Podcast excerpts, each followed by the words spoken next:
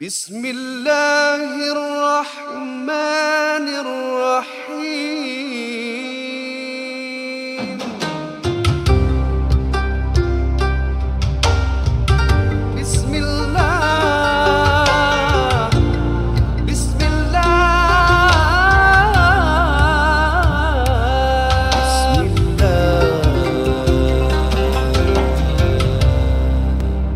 Assalamualaikum warahmatullahi taala wabarakatuh. Waalaikumsalam Apa khabar semua? Termasuk Izzah. Nur Baik, Izzah Alhamdulillah. Kamsani. Selalu Apa Ustazah khabar? yang tanya khabar dulu. Saya tak sempat tanya khabar kat dia. Hmm, Ustazah apa sihat semua? Alhamdulillah Baik. kita sihat.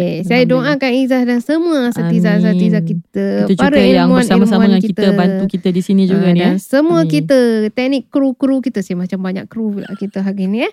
Ah, Dan semua yang mendengar dalam keadaan yang baik. Amin. Sihat-sihatkan diri. Ceria-ceriakan diri Tamulah merunding uh, merun, Merundung malang ke apa ah, Takmu takmu takmu Eh ceria-ceriakan diri eh? InsyaAllah. uh, Dan Iza dan juga semua yang mendengar eh? Kita doakan pe, pendengar-pendengar NJU Makin bertambah Dan juga sponsor-sponsornya Dan juga uh, para-para apa uh, relawan ker- yang bekerja di balik tabir semualah eh Amin. dalam keadaan sentiasa diberi rahmat oleh Allah Subhanahu Wa Taala.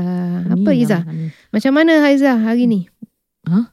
Macam mana Izzah hari ni? Hari-hari Alhamdulillah. Okey lah. Ah. Sihat. Alhamdulillah. ma- masjid macam mana? Masjid insyaAllah semuanya okey kot. Hari ni Hmm. work from home. Jadi eh Eh, bukan work from home. Hari ni apa? Holiday. ha, ni hari holiday Ah, di Bali dan mereka-mereka Hmm. ah misalnya InsyaAllah. yang menyambut eh ah, di Aha. Bali pada hari ini. Ah, mudah-mudahan eh ah, apa tu ah, masa-masa mereka bersama keluarga dan juga disebabkan di Bali kita pun dapat juga bersama keluarga kita Betul. semua. Ya, eh, terima kasih banyak-banyak. Apa hidup harmoni Ah, kaum eh. ya, Pelbagai ber- kaum. Ya betul berbagai kaum. Okey, sebelum kita uh, kita teruskan apa kita punya mukadimah kita. Oh, the show. Ah, sudah show.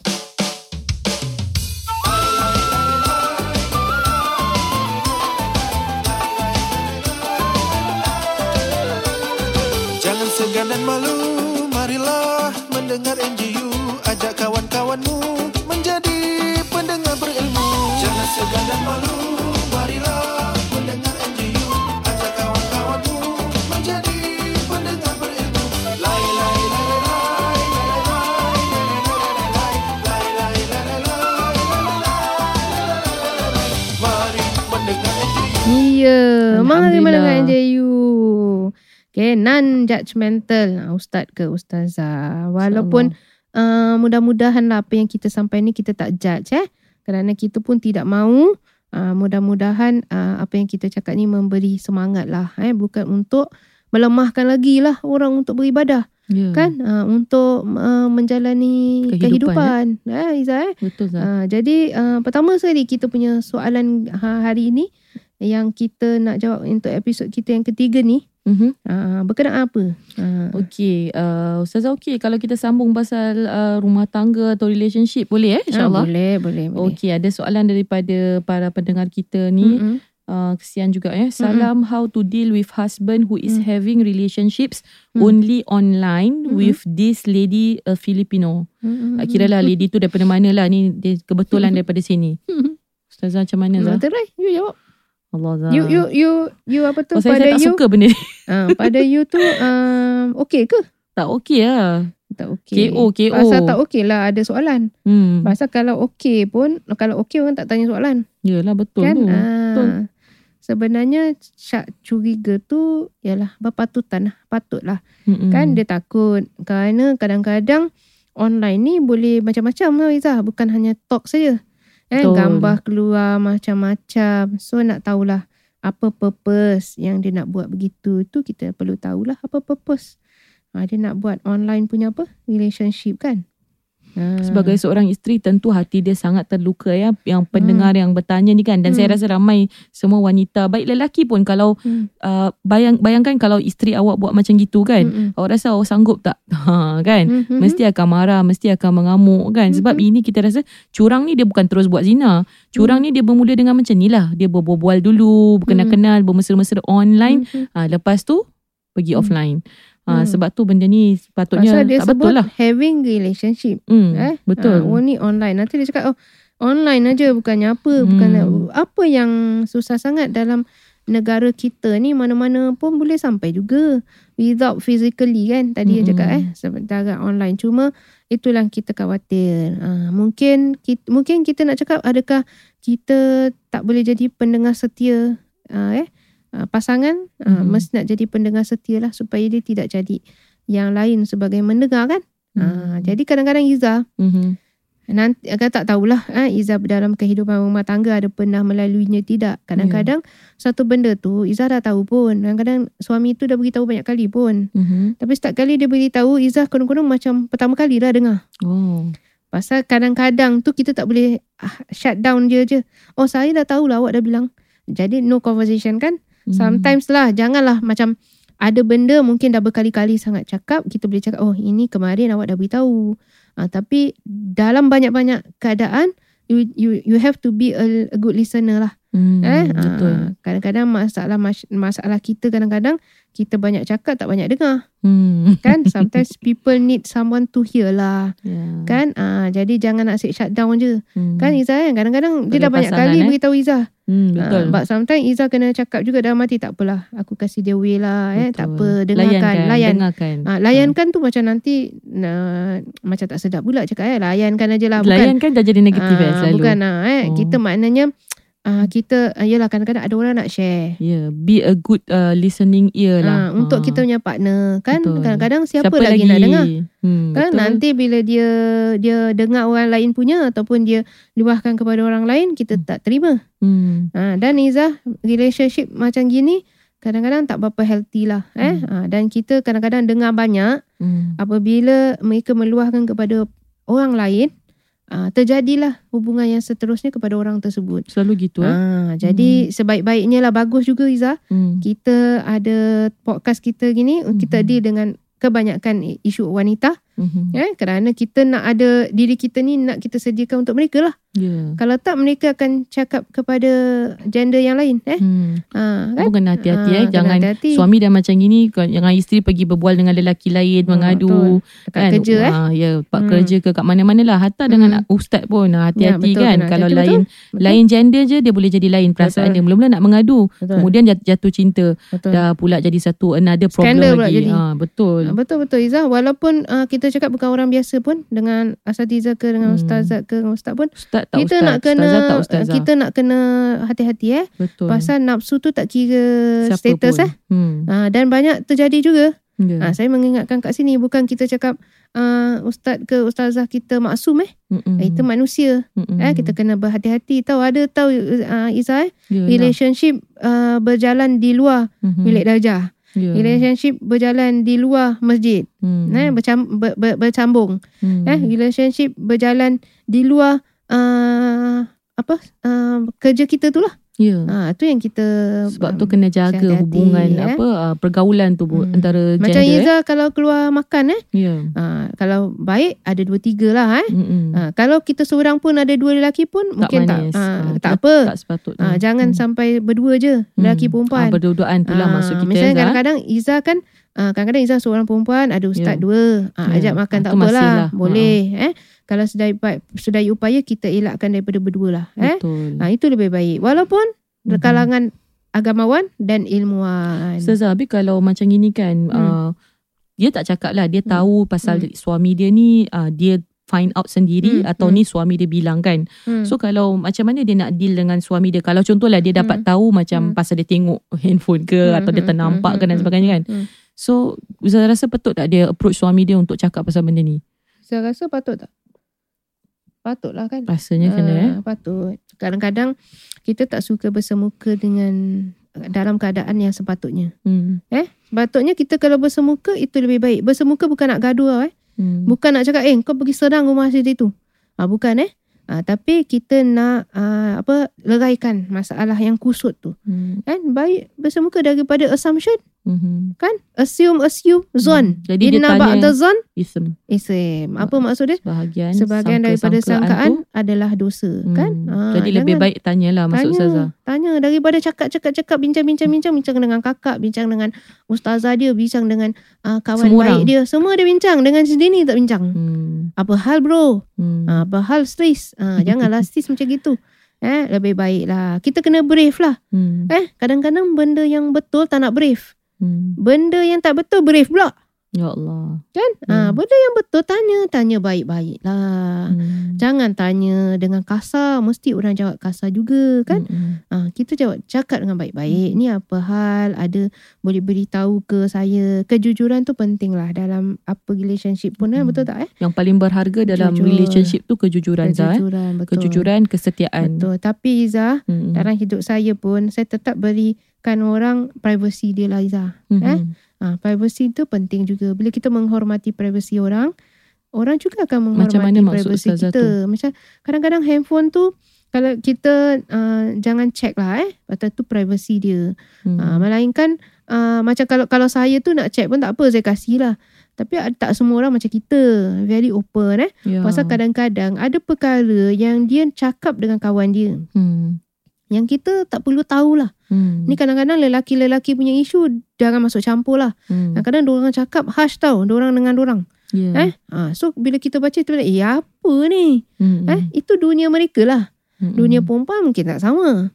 So Ya. kadang-kadang kita dah masuk campur beyond kita Hmm. punya limit. Hmm. Tu tak bagus lah. Hmm. Eh? Nanti kita judge kawan dia. Dia pun tak suka. Ya. Kan? Ha, itu uh, itu privacy lah. Hmm. Macam kadang-kadang Iza ada satu kes ni. Ya. Uh, budak tu terbawa-bawa sampai besar. Mhm. Kerana uh, mak dia dulu, mak Mhm. bapak dia suka baca diary dia. Allah. Dia sampai besar tak suka mak bapak dia. Kerana mak bapak dia melanggar uh, privacy dia. Kadang-kadang orang nak menulis sesuatu tau Izzah. Kat dalam dia punya tu eh. Mm-mm. Uh, itu isi hati dia kan, sometimes doesn't mean tau Izzah. Ya. eh? Itu cara dia meluahkan kemudian itu cara untuk dia delete perasaan tu. Hmm. Untuk melegakan Lepas hati tu dia. ya, kita baca, Hmm. kita dah jadi assume lain. dia macam-macam. Tu pasal zon. Ha, berhati-hati eh. Hmm. Ha, lebih baik Izzah tadi sebut tu baguslah kalau dia bersemuka lah dengan suami dia tanya baik-baik daripada kita menerawang dalam fikiran lagi kalau dia pregnant lagi teruk Allah. dia punya wild tu eh ha, pemikiran dia ha, Hmm. jadi siapa-siapa yang mendengar Mhm. ha, kita biasakanlah hidup kita awal-awal perkahwinan kita dengan kejujuran eh jujur ada benda tak perlu kita nak cakap kita cakap jangan kita simpan-simpan Hmm. jangan kita cakap dengan semua orang tapi pasangan kita tak tahu Ya. bagus tak kalau semua Tak orang tahu bagus. kita Hmm. yang partner dia tak tahu. Mm-mm. Tak bagus kan? Ya. Ha, oleh itu apa perasaan kita kecewa. Mm-mm. Betul tak? Ha, semua orang tahu mak mentua kita masuk hospital, kita seorang tak tahu. Hmm. Lepas tu nanti orang bilang, "Eh, mana isteri kau yang datin tu tak datang?" Padahal Hmm. dia tak tahu. Ya. Tak diberitahu. Ha. Ha, that, itu pun tak tu, eh? bagus lah. Pelik bin Hmm. ajaib. Ya. Eh, Betul. ha, okay Izzah? Boleh Alright. insyaAllah Mudah-mudahan eh, kita dapat uh, Membantu sis kita ni Sis, Yang bertanya ah, ni eh. Allah mudahkan eh, Rumah tangganya Supaya terjaga Banyak lah doa insyaAllah lah eh. Ya Banyak doa. Mudah-mudahan suami tu nampak jalan depan dia tu yang tak bagus ditinggalkan. Kan Ya. ada doa kan Izzah? Mhm. Uh, mudah-mudahan Allah tunjukkan kita yang tak baik tu tak baik. Ya Uh, yang yang Allah tunjukkan yang baik tu baik dan yang, tak baik tu tak baik. Yang Ha. tak baik tu tak baik. dan Ah. kita tinggalkan eh. Tinggalkan. Amin. Ah, So, doa amin. yang masya-Allah. Hmm. Okay Zah, kita ambil lagi satu soalan Hmm. untuk mungkin uh, yang kedua ni. Tengok Hmm. kalau cukup masa mungkin ni Hmm. yang uh, kedua atau tak tahu kalau ketiga tak tak apa. Mm-mm. Soalannya pasal keluarga Hmm. juga. Uh, Assalamualaikum Ustazah, I have a brother. We can Mm-mm. see eye to eye. Mm-mm. I dislike his attitude at home. Hmm. Dia ni lazy. He's Hmm. lazy. Dia kata apa? Uh, come to cleaning. Uh, after himself, he likes to eat a lot without leaving some food for others. Eh?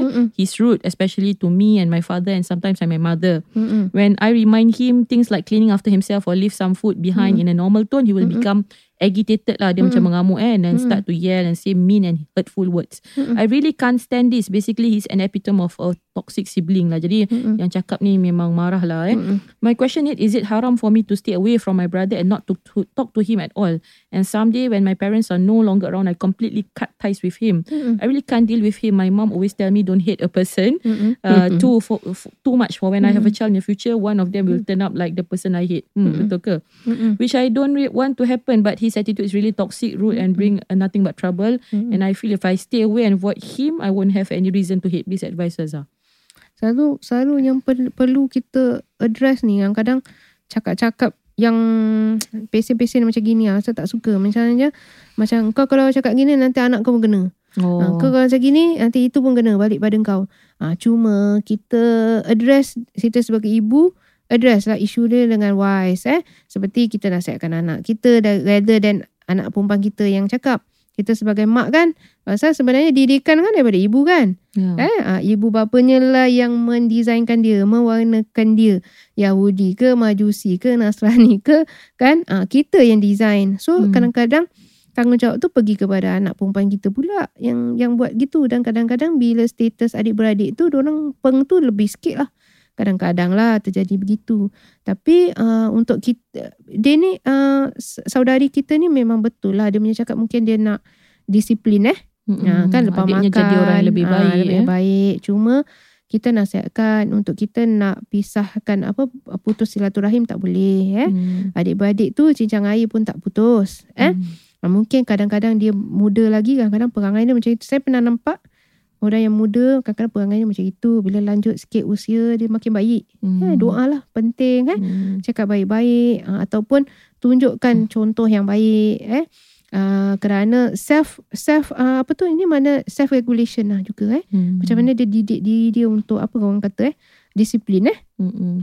penting Itulah lah. macam kita kesian lah kepada kak- yang bertanya Hmm. kakak ke atau Mm-mm. dia cakap uh, Hmm. brother tak, tak tahulah dia sis, dia adik ke atau dia Mm-mm, kakak lah. mm-mm. Tapi uh, memanglah benda ni memang bukan benda yang senang nak nak Hmm. didik adik-beradik. Ustazah Betul. cakap tu betul. Saya dulu masa adik kecil-kecil tu adik-adik lelaki saya nakal. Mm-mm. Ha, jadi saya pun sebagai kakak saya marah je. Penat kadang-kadang marah nak tegur. Tapi Hmm. dah besar-besar Alhamdulillah betul Ustazah Hmm. kata dia Hmm. berubah lah. Berubah. Ha, tapi perubahan tu kita nampak mungkin ada campur tangan mak ayah juga. Hmm, Campur hmm, tangan uh, apa uh, kawan-kawan kan. Hmm, Jadi kita tengok kalau misalkan yang boleh influence dia tu Hmm. kawan-kawan. Contohlah kita kenal Hmm. kawan dia. Sebab tu kadang Hmm, hmm. penting kita kenal kawan adik-beradik kita. Mungkin melalui nasihat mereka uh, dia boleh dengar kata. Tapi Hmm, kita atau mak bapak kadang-kadang di ego. Pasal keluarga kan selalu Hmm, kadang-kadang gitu budak-budak yang Hmm, especially kalau dia remaja ke dia Hmm. ada sifat rebel. Kita pun dulu pernah remaja kan. Kita Hmm. tahu remaja ni dia punya hormon dia. Betul, memang, betul. eh. kita pun pernah juga Uh, uh. Jadi Mengalami. mungkin um, kawan-kawan boleh bantu. Mm-mm. Uh, cakap contohlah kawan dia eh, uh, kau tolong cakapkanlah su- supaya apa dia baik. Pun tapi nak kena baik-baik juga. Ah, kena pandai-pandai lah. Kadang-kadang kawan tak pandai cakap. Ah jadi lain pula. Ah, nanti dia bilang kakak dia sampaikan Ah. bad ah, Ah. ah, benda bad dia tu pada orang-orang lain. Ya. Dia boleh jadi lebih teruk lagi. Betul juga So eh. nak kena Hmm. berhati-hati bila kita Boleh lah cakap. cakap, tapi eh. kena hati-hati lah. Tengok macam kawan dia ni bijak ke tak. Kalau Hmm. lurus sangat pun susah juga eh. That's why Hmm. ah, bagi new generation yang dengar ah, cara didik anak mesti tak suruh depan makan angkat. Hmm. Eh, ah, jangan tinggalkan. Anak lelaki especially Ya, eh. Jangan betul. nanti suruh anak perempuan kasih clear. Ah, Kan? Tak boleh. Anak perempuan je kena Ah. tanggung semua. Lepas tu kadang-kadang Izzah bila kita cakap mereka kalau dah habis makan bangun, nanti ada lagi satu sifat tau. Hmm. Dia tak nak cuci kan orang lain punya. Ha, dia nak cuci dia punya. Tadi mak cakap kita punya kan. Kita dah Hmm. angkat dia yang tak angkat. But sometimes kita kena cakap tengok mak.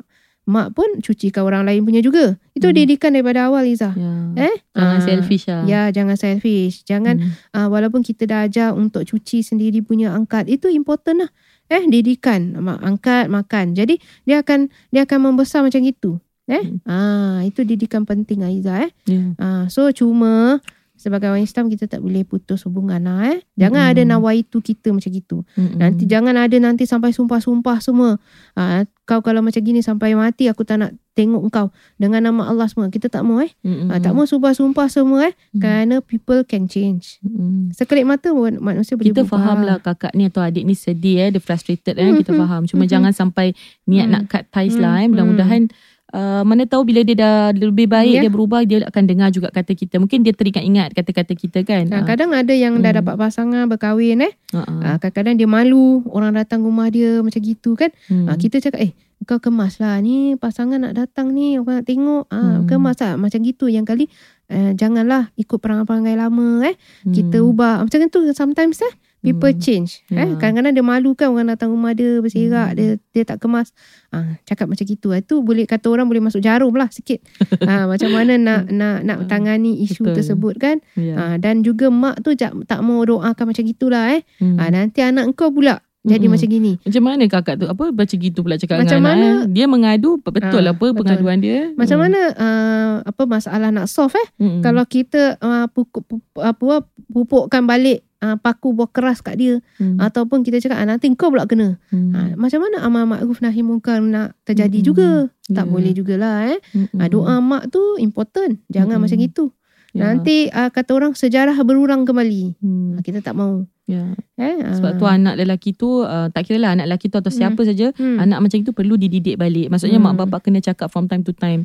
Uh, jadi kena ingat lah macam mana boleh rude dengan mak bapak kan. Siapa, siapa yang dengar eh. Hmm. Uh, kalau biasa cakap kasar-kasar, gurau kasar dengan mak bapak, hati-hatilah. Kadang-kadang uh, kita rasa okey tapi ni bukan kawan ni mak, bap- mak bapak kan. Hmm, hmm, Sama juga dengan siblings kita ya. Jadi Betul. hati-hatilah jaga hati mereka. Bukan hati orang luar je kita jaga. Hmm. Hati keluarga kita pun kita kena jaga Betul. semampu kita. Betul. InsyaAllah. Ha, jadi uh, daripada uh, orang-orang yang new ni, uh, orang-orang new generation, berhati-hatilah. Uh, bila kita ada anak semua, uh, kita didik betul-betul daripada awal disiplin. Tadi kita banyak sebut tentang pakaian, uh, tentang disiplin, tentang percakapan, solat, uh, kan? Uh, jadi uh, itu batu-batu asas lah. Hmm. Ha, kita kena taruh. Pasal nanti benda-benda tu kalau dah terbiasa buat ataupun dah biasa nampak benda tak settle pun, tak bersih pun diam aja. Ya. Dah biasa nampak mata ni kita tak akan cuba untuk membersihkannya. Hmm. Pasal dia dah terbiasa nampak. Eh, ha, biar biarkan biar biarlah biasa nampak yang elok bersih. Hmm. Jangan biasa nampak benda yang Hmm. tak bersih. Eh, ha, kalau benda kadang-kadang tak bersih pun dia boleh buat bodoh, buat dek je. Hmm. Biasakan dah terbiasa. benda-benda yang betul eh. Ya, Ha, jadi yang bersih. ya, Mata ya, tu biasa insyaAllah. tengok benda yang baik-baik, yang Hmm, bersih kan. betul. Itu an-nazafah tu. Minal iman. InsyaAllah satu hari kalau anak kita ni lelaki ke perempuan, kalau kita Hmm. didik dengan baik, disiplin Hmm. dengan baik, Hmm. dia masuk pada keluarga orang satu hari sebagai Betul. aset, bukan Betul. sebagai beban. Betul. Ha, jadi itu satu apa ni legacy kita lah sebagai Hmm, mak bapak atau adik-beradik kita proud tengok anak-anak kita bila move on to keluarga baru Bagus, mereka betul. beri manfaat. Dia orang Ha. pandai buat kerja. Ya, Eh, jadi ah. orang pun suka menerima kan Betul. kerana akhlak yang baik, Betul, disiplin dan sebagainya kan. Rajin, betul. Hasil siapa? Betul. Didikan kita insya-Allah. Betul. Hmm. Eh, alhamdulillah. Alhamdulillah. Betul. Jadi itu saja Ya, eh, uh, yang yang kita boleh uh, Sampaikan. sampaikan. Uh, mudah-mudahan uh, yang mana uh, ada soalan-soalan lain yang belum kita Dapat uh, jawab eh. dapat jawab. InsyaAllah. Berapa berapa lagi yang belum kita Ada lah dapat few lah jawab? mungkin akan datang eh. Uh, InsyaAllah akan datang kita akan uh, Usahakan, usahakan, untuk jawab eh. InsyaAllah. Jadi uh, yang baik datang daripada Allah Subhanahu Wa Taala. Kekurangan dan kesilapan datang daripada kita manusia biasa ni. Mhm. Apa yang kita sudah uh, share, kita bersama mudah-mudahan dapat memberi uh, sokongan dan juga motivasi kepada semua yang Amin. mendengar. InsyaAllah itulah eh. yang kami Ya, harapkan. betul, betul. InsyaAllah kalau ada apa-apa soalan lagi, uh, boleh kita kongsi pada minggu yang akan datang insyaAllah. InsyaAllah. Eh. Okey. Bila taufiq wa hidayah. Wassalamualaikum warahmatullahi wabarakatuh.